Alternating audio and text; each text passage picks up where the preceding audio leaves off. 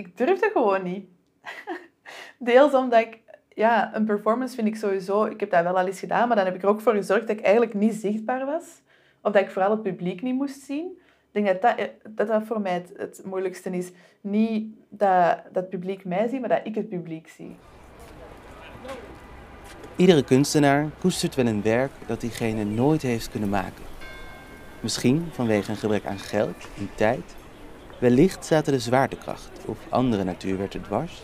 Of bleek een ander al met dat ene geniale idee te zijn weggelopen. In deze podcast gaan Lineke Hulshoff en ik, Maurits de Bruin, met kunstenaars in gesprek over werken die het daglicht nooit hebben gezien. En over de betekenis van succes versus falen. Je luistert naar een productie van De Bakke Grond en Mr. Motley. Dit is Kan niet, bestaat niet. In 2017 vatte Zena van den Blok het plan een performance uit te voeren in de rol van straatartiest. Ze zou dat doen in de stad waar ze woont, het centrum van Antwerpen, precies op de plek waar deze artiesten doorgaans hun werk doen. Door een vriend liet ze van NDF een klassieke sokkel maken met het doel de straat op te trekken als levend stadbeeld. Ze deed een aanvraag bij de stad Antwerpen, had een outfit bij elkaar gezocht en dus eerder genoemde sokkel geregeld. Maar de performance bleef ze jaar na jaar uitstellen.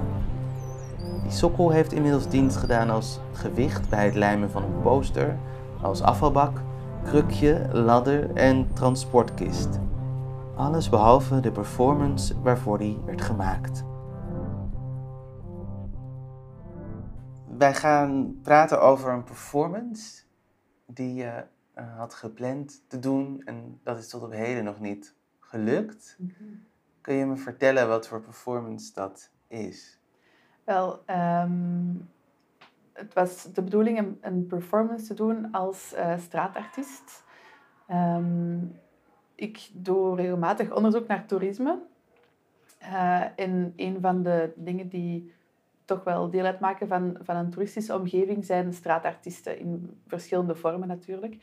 Uh, en ik bedacht dat ik graag een straatartiest zou zijn voor het, voor het publiek en als het publiek zelf. Dus ik dacht, ik ga een straatartiest zijn als toerist zelf. Dus um, ik ben op zoek gegaan naar um, hoe zou een toerist er dan uitzien, clichébeeld onderzocht. Um, de kledij, eh, zo een, een, typische beige short met een bloemenhemdje. Op zoek, naar, daarnaar op zoek gegaan. Um, en ik heb toen ook een sokkel laten maken door een vriend.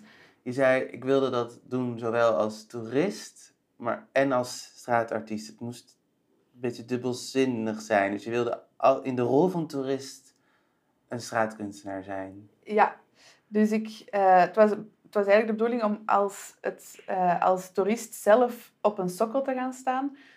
Um, volledig gekleed als toerist en ook um, dus een levend standbeeld te zijn. Maar vanaf dat er een, een toerist um, geld zou leggen in het potje dat ik dan bij mij zou zetten, zou ik dus ook een selfie maken met die mensen.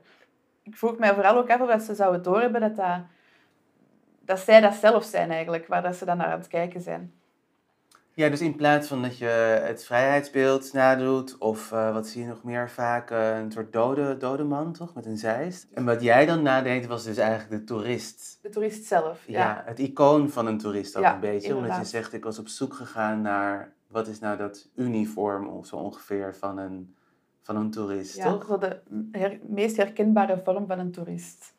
En zodra het dan eigenlijk de illusie was geslaagd, want dat gebeurt, neem ik aan, dan op het moment dat iemand geld geeft, ja. toch? Dan ja. gelooft iemand de straatartiest en mm-hmm. vindt iemand dat dat het waard is. Dan zou je het weer omdraaien door je eigenlijk als toerist te gaan gedragen ja. en een selfie te nemen. Ja, inderdaad. En waar wilde je dat gaan doen? Wist je dat al? Goh, dat maakt er op zich niet zo wel uit, maar aangezien ik zelf van Antwerpen ben, dacht ik, oké, ik kan dat wel gewoon in het toeristisch centrum doen. Ik woonde toen ook in het toeristisch centrum, dus ik dacht, ja, dat is, dat is handig, ik ken het hier ook. Ik heb toen ook een, uh, een, een aanvraag gedaan bij de stad Antwerpen, want je moet een uh, toelating krijgen om straatartiest te mogen zijn. Er hangen ook bepaalde voorwaarden aan. Je moet dat papier ook bij je hebben als je straatartiest... Als je je als straatartiest op straat begeeft. Je mocht ook maar één uur op dezelfde locatie blijven staan. Ik denk dat er, dat ben ik nu niet zeker, dat er ook plekken zijn waar het niet mag. Bepaalde te drukke plekken of zo. Ja, dus ik wou dat graag in Antwerpen doen. Ik was ook heel nieuwsgierig naar die wereld. Uh, want ik kan me voorstellen, dat zijn altijd dezelfde mensen die daar op straat komen als straatartiest. Dus dat moet, die kennen elkaar sowieso allemaal. Ik vroeg mij ook af wat er dan zo vetes onderling waren, of dat er uh, spanningen onder hen waren, of dat die juist vrienden waren allemaal, en of dat ik dat zou voelen als nieuweling, dat ik een indringer zou zijn of zo. Uh, was jij dan van plan om je collega's tussen aanhalingstekens dan te vertellen dat het voor jou een kunstproject was? Of om volledig undercover als straatartiest te gaan? Dat wist ik nog niet goed, omdat ik was benieuwd of dat ik makkelijk contact zou, vinden, zou kunnen maken met, met, met mijn collega's, inderdaad. dus dat, dat wou ik er zo wat van laten afhangen van het contact met die mensen. Enerzijds denk ik, als ik het zou uitleggen dat het een, uh, een, een kunstproject zou zijn, dan zou het een soort van... Uh, allee, moesten die uh, straatartiesten elkaar bekijken als concurrentie, zou dat al wegvallen, dat probleem. Dan zouden die mij waarschijnlijk misschien wat meer laten doen. Anderzijds um, had ik wel meer zin om daar volledig in op te gaan, in, uh, in, die, in die groep van straatartiesten. Ja. En had je een idee van, was het werk de performance zelf aan zich en gebeurde dat dan dus op dat plein? Of zou je daar nog een soort vorm van verslaglegging van willen creëren? Worden dat die selfies of een, een filmdocument? Of hoe had je dat voor je gezien? Uh, zeker die selfies. Daar, daar wou ik, ik wou echt wel een hele hoop foto's verzamelen en daar iets mee doen. Waarschijnlijk een publicatie maken of, of die ergens publiceren of uitvergroten. Dat was voor mij echt een belangrijk ding ook, dat dat, dat, dat gedocumenteerd werd op die manier. Uh, ik wou ook experimenteren met in plaats van echt een selfie te maken, te filmen heel, de hele tijd dat ik er sta met die selfiecamera, eh, met die selfie-stick en gsm. Um, dan hoopte ik ook ergens op een manier, als ik dat vaak genoeg zou doen en mensen posten selfies op Instagram van in Antwerpen, dat ik op, via de hashtag Antwerpen bijvoorbeeld uh, selfies zou terugvinden waar ik ook op sta. Um, en dan wou ik ook zeker wel vragen aan, aan iemand uit mijn omgeving om eens een keer te komen filmen als ik daar sta. Om zoveel mogelijk documentatie te hebben om achteraf nog te kunnen beslissen wat ik ermee zou doen. En je had dus op een gegeven moment dat... Die outfit heb je gevonden of samengesteld. De sokkel is ook gemaakt, ja. zei je. De aanvraag was bij de gemeente Antwerpen, was, was die al gedaan? Ja, die was ook goedgekeurd. Die is ook goedgekeurd? De selfie stick? Uh, ja. Had je ook in huis? Ja. Ehm, dus eigenlijk waren alle ingrediënten of zijn aanwezig. Ja, klopt. Maar we hebben het hier toch over werk dat nog niet is gemaakt. Ja, inderdaad. Waarom? Ja, ik, elke keer als ik dacht van ik ga dat nu vandaag eens doen of ik ga dat aanstaande zondag doen op een druk moment, lukte het gewoon niet. Niet van dat ik andere plannen had of zo, want ja, dat kies je zelf, maar ja, dat is toch zo echt een drempel om, om je over te zetten. En ik denk dat, ja, dus enerzijds ook wel praktische overwegingen. Die sokkel is best zwaar, ook al is die hol, dat is niet van steen gemaakt natuurlijk, dat is van MDF gemaakt. Maar ja, dat is niet zo handig, maar dat is eigenlijk makkelijk te omzeilen met een karatje of zoiets. Ehm, en ja, ik denk dat er toch een soort van gêne... Uh, ik durfde gewoon niet. Deels omdat ik ja, een performance vind ik sowieso... Ik heb dat wel al eens gedaan, maar dan heb ik er ook voor gezorgd dat ik eigenlijk niet zichtbaar was. Of dat ik vooral het publiek niet moest zien. Ik denk dat dat, dat, voor mij het, het, moeilijkste is. Niet dat, dat het publiek mij ziet, maar dat ik het publiek zie. Ik wil die dan liever niet zien. Ehm, en ook, ja, als je dan mensen tegenkomt, denk dat dat... Ja, dan... Ik, ja, het is gewoon zo'n beetje een drempel die ik niet ben overgegaan tot nu toe. En ik ben daar dus in 2017 mee bezig geweest. En dat is toch elke zomer dat ik denk, deze zomer ga ik het doen. En afgelopen maand heb ik ook al verschillende keren gedacht, deze zomer ga ik het echt doen. Sindsdien is het nog altijd niet gebeurd. En die, die gêne waar je het over hebt, is die dan ook sterker omdat de context is geen kunstcontext waarin dit plaatsvindt natuurlijk. Heeft het daar ook iets mee te maken dat, dat, dat het bij de voorbijganger vragen gaat oproepen wat je doet? Nee, eigenlijk in tegendeel. Uh, ik denk, nee, want ik werk graag in, uh, in een context die niet bedoeld is als artistieke ruimte. Liever dat zelfs dan, dan in, een, in een klassieke omgeving waar dat kunst getoond wordt. Dus dat is zeker niet het probleem. En zeker omdat dat, dat mensen zijn dat ik niet ken, dat maakt dat eigenlijk niet uit. Maar het is zo, ja, van wel mensen tegen te komen die ik wel ken, dat vind ik moeilijker. Dus... Oh, dus als gewoon hele goede vrienden daar toevallig voorbij lopen en denken, hé, hey, dat is Sena op een sokkel in een hele rare toeristenoutfit. Ja, ik zou dat moeilijker vinden. Dat snap ik, ja, want dan kun je niet in je rol blijven. Inderdaad, ja, exact. Dus dan dacht ik, misschien moet ik het toch in een andere stad doen. Een stad waar ik minder mensen ken of geen mensen ken. We zijn nu in Rotterdam. Ja. heb je je spullen bij je? Dat had goed geweest, hè? Maar nee, ik heb ze niet bij. En welke andere stad zou daarvoor... In Rotterdam is, moet ik dan zeggen, niet echt een stad die bekend staat om zijn straatartiesten. Amsterdam natuurlijk wel, misschien Brussel. Heb je een idee van waar dat dan... Dat kan echt... Maakt niet zoveel uit. In eender welke, op eender welke plek Je moet er niet te veel mensen kennen. Ja. dus misschien is dat wel toch een, een, een plan voor deze zomer, is voor mezelf een soort van residentie te bedenken en een paar dagen naar een andere stad te gaan en dat gewoon te gaan doen. Maar ja, ik zeg dat nu weer en ik denk dat ook weer, maar gaat dat gebeuren? Ik weet het niet. Het is... En wat maakt dat je het nog altijd wil? Want we kunnen de vraag natuurlijk ook omdraaien. Ja, klopt, inderdaad. Waarom wil ik het? Het blijft door mijn hoofd spoken na al die jaren. Um, denk, ik vind het eigenlijk nog altijd wel een goed idee. ik ben nieuwsgierig om te zien wat dat, wat dat effect gaat zijn.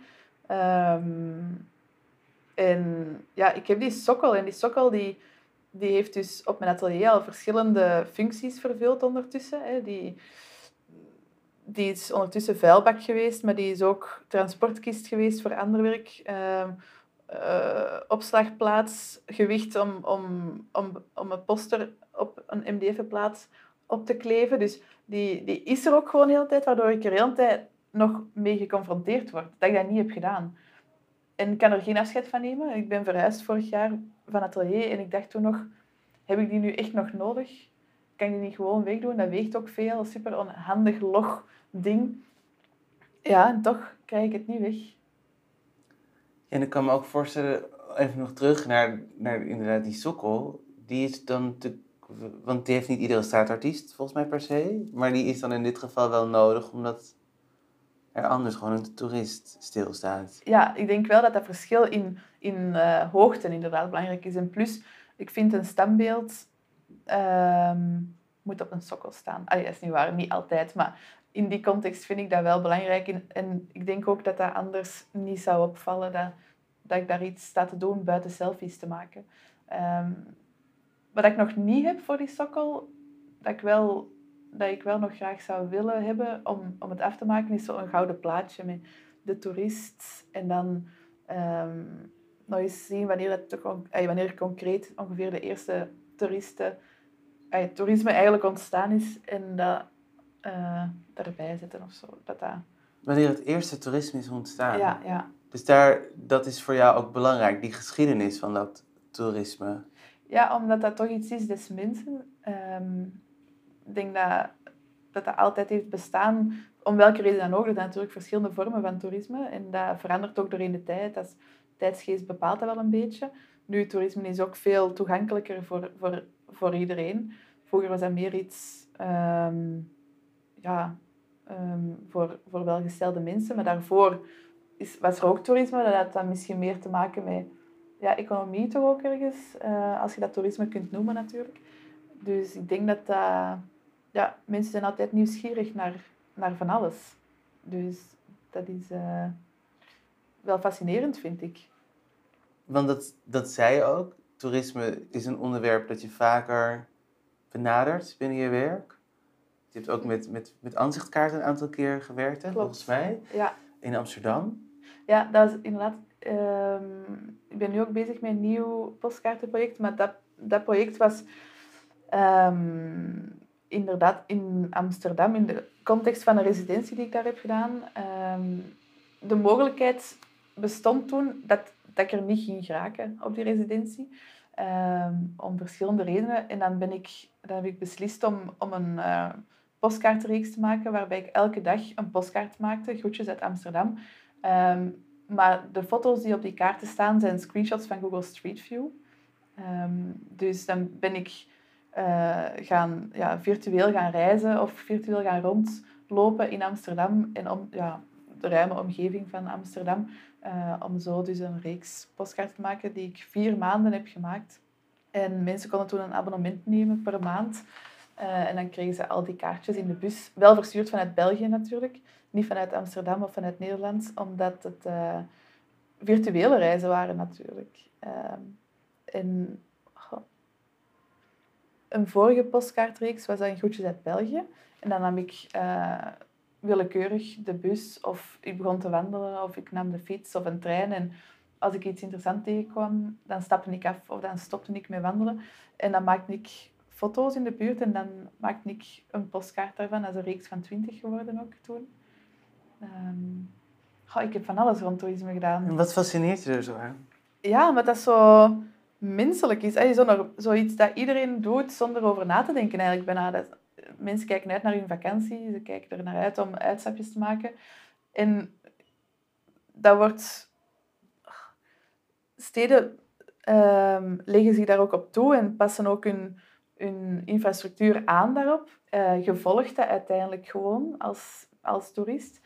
Um, niet dat ik dat... Ik heb daar geen probleem mee of zo. Ik vind gewoon super interessant hoe dat je gaat gedragen op dat moment. Um, in, in, welk, in welk stramien dat je zo terechtkomt. En plus, er, uh, de souvenirs vind ik ook heel interessant. Dat is iets heel uh, universeel. En, en toch voelt iedereen zich heel uniek daarbinnen of zo.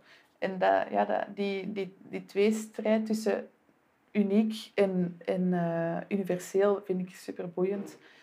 Ik ben zelf niet de grootste toerist eigenlijk. Uh, ik ga niet per se superveel weg.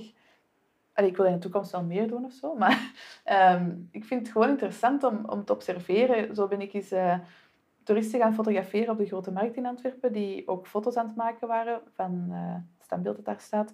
Um, en aan de hand van die foto's, dus de poses dat die mensen aan het aannemen waren om zowel foto's te maken als uh, de poses die dat ze deden bij het standbeeld, um, daar heb ik dan ja, een selectie van gemaakt. En dan heb ik een boekje gemaakt, 50 Ways to Pose as a Tourist Taking Pictures. Dan heb ik in mijn atelier dus uh, die poses van het fotograferen nagedaan uh, en daar een flipboekje van gemaakt.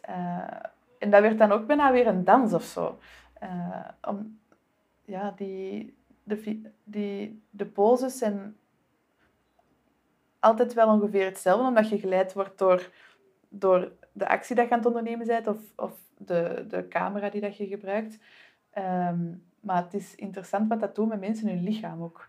Um, en je zegt net zelf, ik ben zelf niet zo vaak toerist. Ik ga niet zo vaak op vakantie op die manier waarom is dat? Is dat ook omdat je er zoveel vragen bij hebt en een beetje moeite hebt met die rol? Of is dat het helemaal niet? Nee, eigenlijk niet.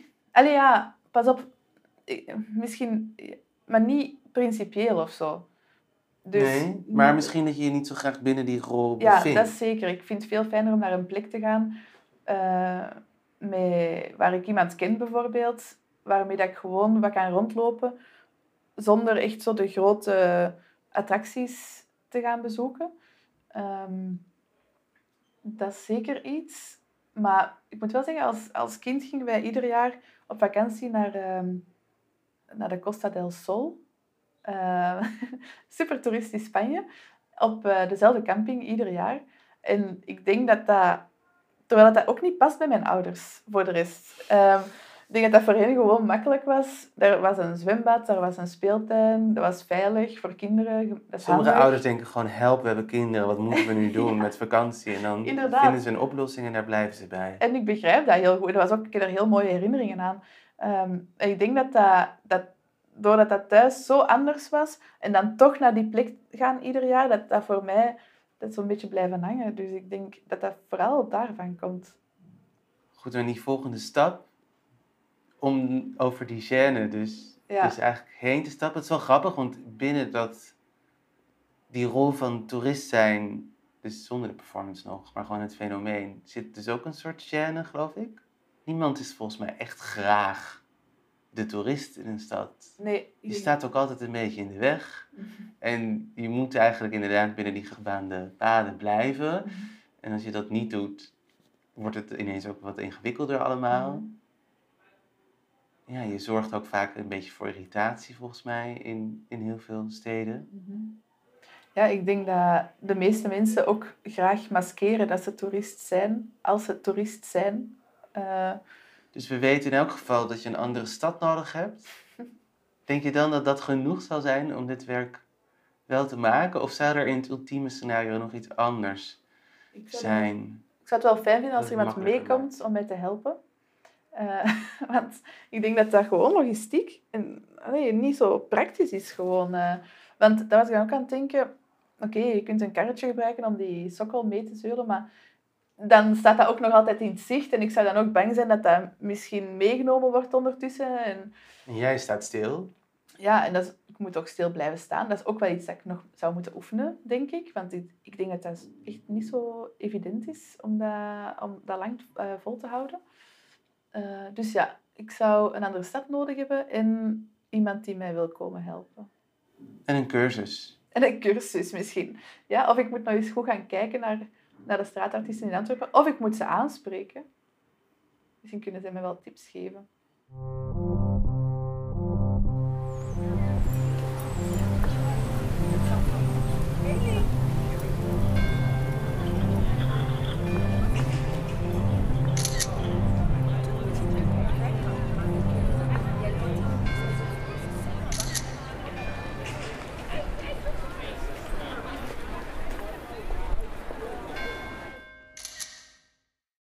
Je hebt uh, nogal wat meer werken die, die het daglicht nog nooit hebben gezien. Kun je daar iets meer vertellen over, over die werken en uh, over dat archief dat je hebt aan werken die nog niet bestaan? Ja, telkens als ik een idee heb, dan, dan noteer ik dat meestal meteen. Um, en vaak ga ik dan ook toch al ja, daar een schets van maken of ehm, zelfs materiaal kopen om dat uit te werken. Ehm, dat, kan, dat, dat kan zich in van alle fases bevinden, uh, zo'n idee. Maar ik vind vanaf dat ik dat idee heb, en zeker vanaf het moment dat ik het heb opgeschreven, vind ik dat het al een werk is. Dus ik heb op mijn atelier en ook digitaal in mijn, uh, op mijn computer van alle verzamelingen van, van afbeeldingen, foto's, ideeën, schetsen, ehm, die dat ik gewoon nog nooit heb uitgevoerd. Maar ik beschouw die wel al als, als een, een werk. Bijna zoals een foto die latent aanwezig is op een film, maar nog niet ontwikkeld is. Op dezelfde manier beschouw ik dat. Maar die foto is er al wel. Je ziet hem gewoon nog niet. Dus op die manier kijk ik ook naar mijn, mijn archief met ideeën. En als er dan een moment komt waarop dat iemand vraagt om mee te doen met een tentoonstelling of een project uit te, uit te werken. Of, dan ga ik meestal kijken door, uh, in mijn archief en, en zien wat zou er binnen die context kunnen passen of juist niet. Of, en dan kom ik altijd weer iets tegen waar ik al lang niet meer aan had gedacht. En dan is dat ook leuk om, om dat elke keer als ik daarmee... Um, ja, als ik, die, als ik dat idee zie of als ik een, een, een half werk zie, dan uh, kan ik daar vaak ook mee verder. Want soms stop ik ook gewoon... Ik kan stoppen om verschillende redenen. Ik kan stoppen omdat ik geen zin heb. Of dat het te arbeidsintensief is voor wat ik eigenlijk wil doen op dat moment. Um, soms stop ik ook gewoon omdat ik denk, ja, dat heeft toch geen zin om dit nu te maken zonder reden. Um, soms stop ik ook omdat ik toch niet de juiste uitwerking vind. Of niet het juiste materiaal vind wat ik vind materiaal dat, dat, ik gebruik om een werk of een idee uit te werken heel belangrijk. Dus, en als ik dat niet vind, als dat klikt of past, dan stop ik soms ook gewoon. En dan is het goed om dat na een paar jaar nog eens terug te zien. Omdat ondertussen heb je weer van alles nieuw gedaan of anders gedaan. En kan dat soms helpen om dat wel uit te kunnen werken. En Zien die schetsen, die plannen er allemaal dan ongeveer hetzelfde uit? Is dat dan inderdaad allemaal een beschrijving die is opgeschreven en een paar tekeningen? Of hoe moet ik dat voor me zien? Of Nee. loopt het heel erg uiteen? Ik probeer altijd een, een, eh, eenzelfde manier te vinden om het te doen, maar dat lukt eigenlijk nooit. En eh, ik, eh, soms, allee, ik zet vaak dingen in notities in mijn gsm en dan op een bepaald moment schrijf ik dat allemaal over op aparte blaadjes. Teken ik er al iets bij of niet? Mijn, ik heb wel een hele hoop dozen op A4-formaat op atelier, waar van alles in zit per eh, idee. Ehm, maar dat is dan ook weer geen constante, want ik heb ook een ringmap met, met ideeën. Ik heb dan ook echt digitale mapjes. Ik heb ook dozen, plastieke dozen, waar dat dus allemaal materiaal in verzameld is. Om, ja, net zoals met die sokkel en zo. Ja, het, is, het, het, kan echt van alles zijn. Maar mijn idee is wel dat ik... de hoop is er dat ik ooit eens een, eh, een heel net archief daarvan kan maken. Eh, dat zou ik echt heel leuk vinden. Zit er ook een soort angst in? Dat je bang bent die ideeën kwijt te raken? Hmm, Nee, eigenlijk niet. Misschien eerder een angst om op een bepaald moment geen ideeën meer te hebben. En dat ik dan kan teruggaan naar de ideeën die ik voordien had. Maar dat is eigenlijk nooit echt het geval. Dus er komt maar van alles bij. En dan ben ik wel bang dat ik die allemaal nooit ga kunnen uitvoeren. Allee, dat gaat ook sowieso nooit lukken. Eh, dat is veel te veel. Dat is nu al mislukt. Ja, dat is mislukt. Dat gaat ook mislukken in de toekomst. Maar dat geeft ook een veilig gevoel dus. Want dat betekent dat het nooit kan opraken. Ja, ergens wel. Hoe- hoeveel werk gaat dat dan nu ongeveer? Die je hebt gearchiveerd? Goh, dat is een heel moeilijke vraag. Ehm, ja, ik denk dat dat toch wel zeker 50 dingen zijn of zo. En heb je ook bij het verhuizen van atelier, wat je net zei, overwogen om een deel daarvan niet mee te nemen? Buiten die sokkel? Ja, over, overwogen wel, maar dat gaat niet. Wat ik wel heb, ehm, ik ik ben van computer veranderd vorig jaar. En Dat is ook spannend. dat is echt niet leuk. Nee. Eh, en die harde schijf, dat was nog mijn gewone USB. eh, en nu is dat mijn USB-C. Ah, je zou dat moeten zijn, mijn USB-C. En daardoor ga ik bijna nooit meer op mijn harde schijf door mijn archief. Ik heb ook een andere harde schijf die gecrashed is van lang geleden en zo. En ja, dat maakt wel dat, er zo wat ideeën ehm, daar zijn gebleven of zo. Dus ik heb die niet weggegooid, want ik heb mijn computer nog. Ik kan die ook niet wegdoen, want ik weet dat daar nog van alles op staat. Ik heb ook wel alles op een harde schijf gezet, maar toch... ehm, ja, dus op... Ja, ik kan daar... Het moet toch wel een beetje er aanwezig blijven. Ik kan dat niet wegdoen. Dat, is, dat vind ik dan te jammer. En je voelt eigenlijk van die werken al, die alleen nog op die harde schijf staan, dat ze al iets te ver weg zijn en een beetje onbenaderbaar. Ehm, ja en nee, want ik weet dat die er zijn. Dus als ik eens een moment heb om daar door te gaan, dan ga ik dat zeker doen. Ehm, maar die... Ja, ik vind de drempel, de drempel om daar nu naar te gaan kijken groot, omdat ik weet dat dat veel is. Dus dan ga ik door alles gaan en, en weer denken van, oh nee, nog zoveel werk. Dus dat roept ook een soort stress op eigenlijk. Goh, ja, omdat je niet kan kiezen. Keuzestress eerder misschien. Dan denk ik, ah ja, dat, ah ja, dat wou ik toch wel graag uit, uitvoeren. Ehm, maar dat, wat, wat moet ik dan kiezen? Als ik dan verschillende dingen zie die dat ik wil uitwerken, dan vind ik dat heel moeilijk om te kiezen. Ja, want hoe gaat dat dan? Een tentoonstellingsruimte benadert jou, zegt: eh, Hallo Zena, goedemiddag. We willen graag eh, dat je meedoet aan deze tentoonstelling. Dan begin je dus wel met die harde schijf, of ga je dan door dozen heen? Of Ik kijk meestal eerst op mijn atelier en dan kijk ik ook digitaal. Maar ik maak ook heel veel foto's van van alles dat ik tegenkom. Eh, en ook publicaties met foto's. En in die foto's, dat is een deel van mijn archief ook, vind ik dan soms weer een idee om verder uit te werken. Eh, dus het is wat een methode die dat... Die dat, die dat ja, kan, dat kan echt, als, als het een geen oplossing biedt, dan ga ik naar het andere. En soms begin ik digitaal, soms begin ik op atelier. En kan je dan ook gewoon, stel het vijfde idee dat je tegenkomt is passend, dat je, dat je het dan loslaat? Dat je denkt, oké, ik, heb, ik heb nu iets ga hierop verder? Of denk je dan, nee, ik moet toch nog alles doorspitten? Nee, als het oké is, eh, dan... En vaak is het ook wel zo, als ik iets tegenkom dat dat mij doet denken aan een ander idee, dat, dat ik dan misschien nog niet ben tegengekomen, maar dat ik mij dan wel plots herinner. Dus eigenlijk zo aan een kapstok, eh, een systeem van kapstokken die aan elkaar vasthangen, maar toch los van elkaar zijn op een manier. En dan hebben we het nu eigenlijk over alles wat nog niet gemaakt is. Maar hoe, kijk je, hoe ga je om met het werk dat wel gemaakt is? Omdat je ook zegt, ik kan me voorstellen, oké, al die werken in dat archief zijn er eigenlijk ook al. Wat onderscheidt dan toch die werken die, die, die echt voltooid zijn? Of zie je die ook nog als een soort archief die misschien nog een keer opnieuw gemaakt kunnen worden of in een, op een andere manier? Of, of zijn die dan klaar? Ja, nee, zeker. Elk werk hangt aan een vorig werk vast op een of andere manier. Uh, en, dus ook aan een volgend werk.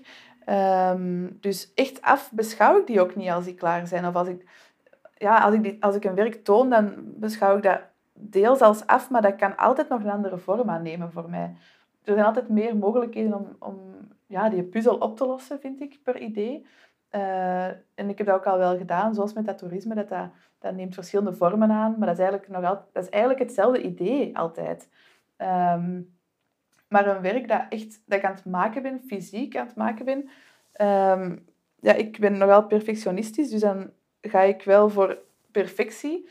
Tijdens dat proces merk ik dan dat dat mislukt. Dat dat, dat, omdat ik dat zelf aan het doen ben. Ik kan ook niet alles. Dus ja, dan moet ik op een bepaald moment die perfectie loslaten en accepteren dat het niet perfect zal zijn. Dan als dat werk af is, dan heeft dat altijd even tijd nodig vooraleer ik um, blij ben met, met het eindpunt van, van dat werk.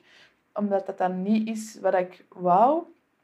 Kun je een voorbeeld noemen van een werk waarbij je, ja, je geeft jezelf daarmee natuurlijk eigenlijk een soort opdracht mhm. van toch? Zena ja. gaat dit nu maken. Mm Waarvan je dacht, oké, ik mis eigenlijk de techniek ja. of het ambacht uh, om dit goed te doen. Ja, zeker vorig jaar heb ik een reeks schilderijen gemaakt voor het eerst. Um, aan de hand van het spelletje Snake. Uh, dus ik was de hele tijd op mijn gsm uh, het spelletje Snake aan het spelen. En al die scores hield ik dan bij. Allee, telkens als mijn slang tegen de muur botste of tegen zichzelf, nam ik een screenshot en dan ging ik weer verder spelen. En die vormen heb ik dan geschilderd, maar ik, op een gewone uh, ondergrond. Maar ik vond het belangrijk dat die gewone ondergrond ook licht gaf in een donker. Dus ik wou dat dat glow in the dark was. En er zijn verschillende manieren om iets uh, glow in the dark te maken. Je hebt verf, maar die is vaak niet sterk genoeg.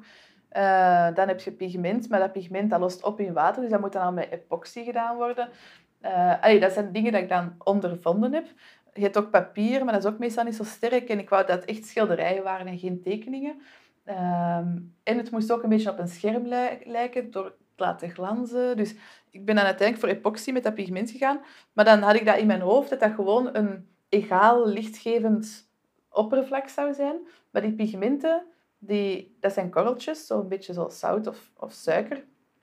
Dat zakt in uh, die epoxy naar de bodem. En dat, ja, dat, blijft, dat, dat wordt iets heel vreemd. Dus uh, dan heb ik geprobeerd om dat op, dat op, de, op het oppervlak te schilderen. Maar dat werd precies een psychedelische uh, sterrenhemel. Uh, dat pigment, dat, ja, dat, dat legde zichzelf op het moment... Vanaf dat je schildert, legt dat pigment zich en daarna beweegt dat gewoon niet meer. Of ja, dat, dat clustert samen, dat is heel vreemd. Dus uiteindelijk heb ik dus uh, een soort techniek voor mezelf ontwikkeld. Vind ik ook leuk om zo technieken te ontwikkelen voor jezelf, waar je verder niks aan hebt. Ehm, met een soort van paletje dat erop te smeren.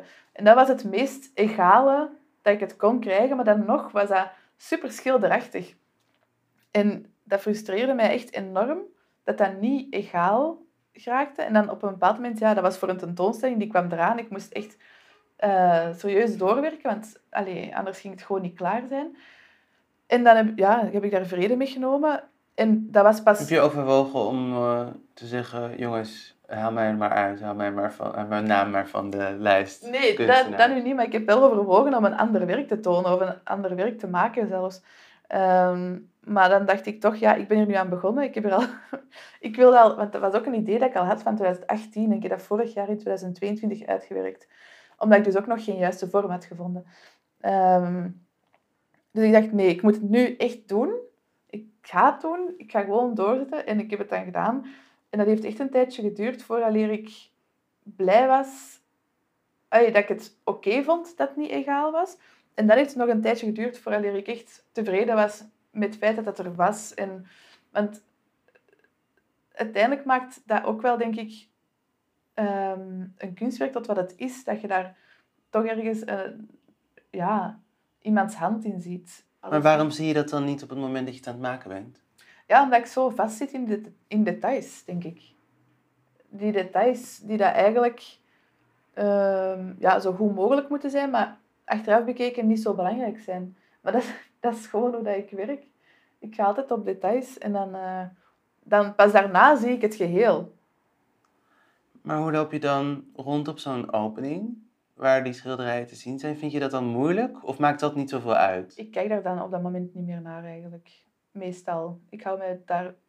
Ik hou me niet zo... Op een opening laat ik het werk dat ik toon meestal los. Ik vind het dan ook moeilijk om daar over te praten.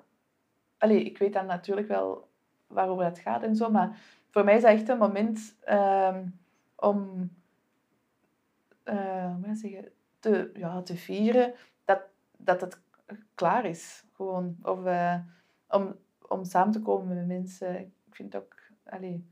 Vieren dat het klaar is, ongeacht wat er precies klaar is. Ja, want op dat moment heb ik het losgelaten.